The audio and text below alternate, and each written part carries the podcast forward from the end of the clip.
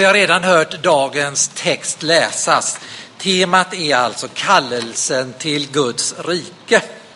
Och kallelsen innehåller egentligen bara två små ord när Jesus uttalar dem. Han säger följ mig.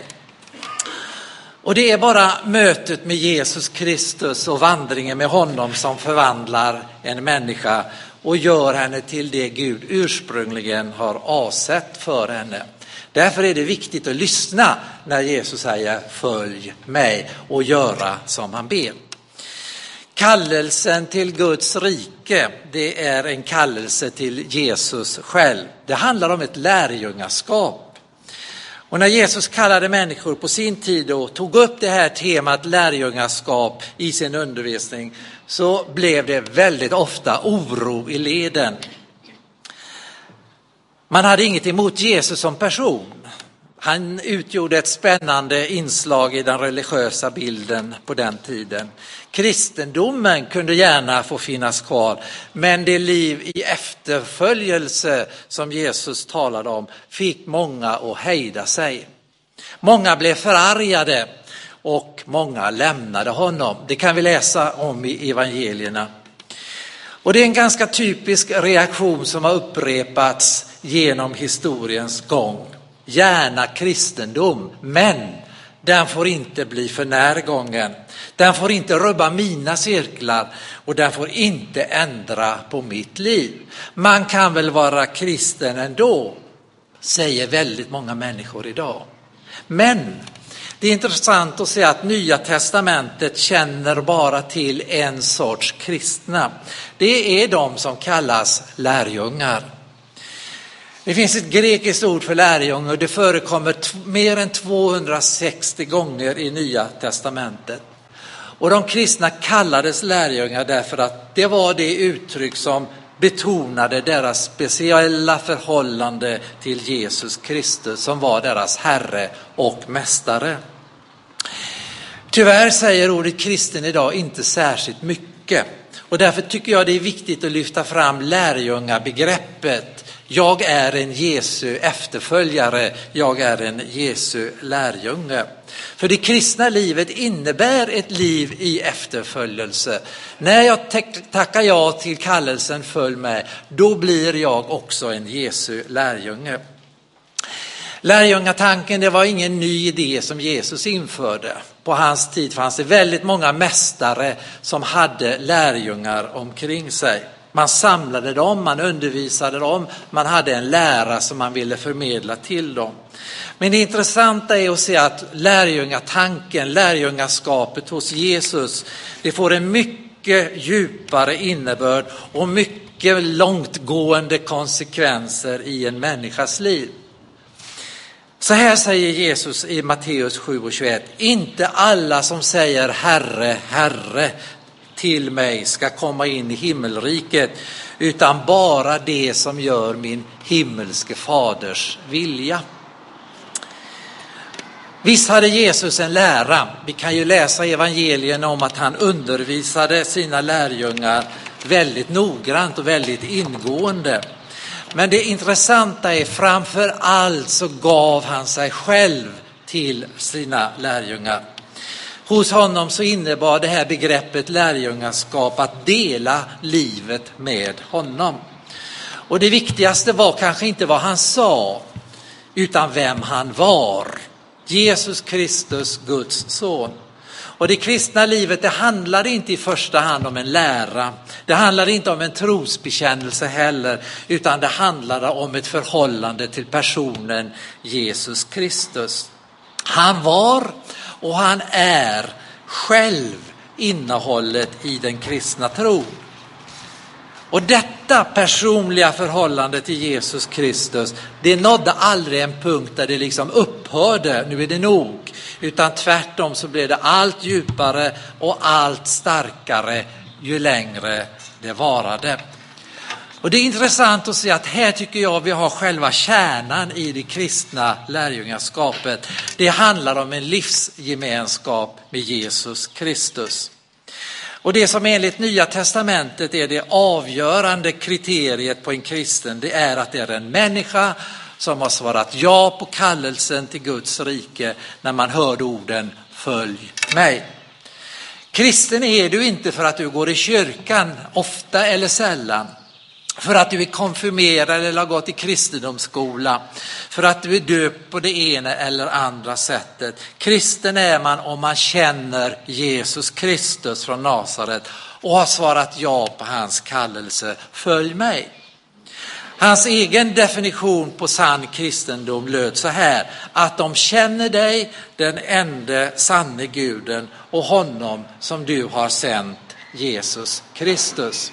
Den versen kan du läsa i Johannes 17, det är den tredje versen. Svarar jag ja på Jesu kallelse följ mig så innebär det då att förhållandet till honom, förhållandet till Jesus Kristus aldrig får komma i andra eller tredje hand. Det måste alltid komma först. Han har inte kallat oss i första hand att följa hans kyrka, en lära eller någonting annat som tillhör honom, även om det är väldigt viktigt. Han har sagt följ mig. Det är en personlig kallelse.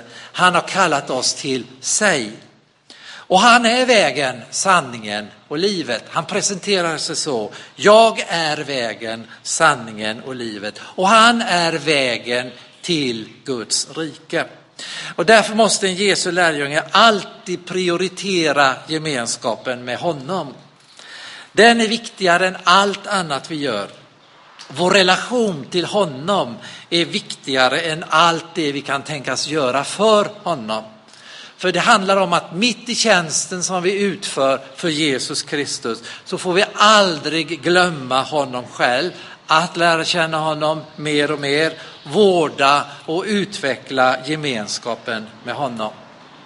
Och det finns en stor grupp människor idag som har en relation till något eller mycket som är runt omkring kristen tro och kristendomen. Man känner det som finns omkring Jesus, det som har sitt ursprung i honom. Sådant som är viktigt och bra i sig själv, men det räcker inte med att vara bekant med allt det som finns runt omkring honom om vi inte är bekanta med honom själv om vi inte har en personlig relation till honom. Man kan faktiskt ha kunskap om honom, väldigt mycket kunskap om honom. Man kan studera honom, man kan sjunga lovsånger till honom och man kan tala om honom utan att vara en kristen, utan att vara hans lärjunge. Därför är det oerhört viktigt att jag har en relation, en personlig relation till Jesus Kristus. Att jag har svarat ja på kallelsen följ mig. Om vi läser i bergspredikan i Matteus så kan vi se där att Jesus förklarar väldigt tydligt vad som kommer att bli utslagsgivande den dagen alla människor ska summera sina liv. Han säger att det då ska dyka upp människor som påstår sig ha gjort fantastiska saker i hans namn. De har botat sjuka, de har profeterat, de har drivit ut demoner. Men det intressanta är att se att ingenting av det imponerar på Jesus. För när han låter utslaget falla så säger han klart och tydligt, jag känner er inte. Och med de orden så visar han bort dem. Och jag tror att när gränsen en gång ska dras mellan oss människor så kommer den just att dras mellan de som känner honom och de som inte känner honom. Och på den dagen kommer inga mänskliga meriter att räknas och vi har inga ursäkter eller bortförklaringar som håller inför honom när vi står där.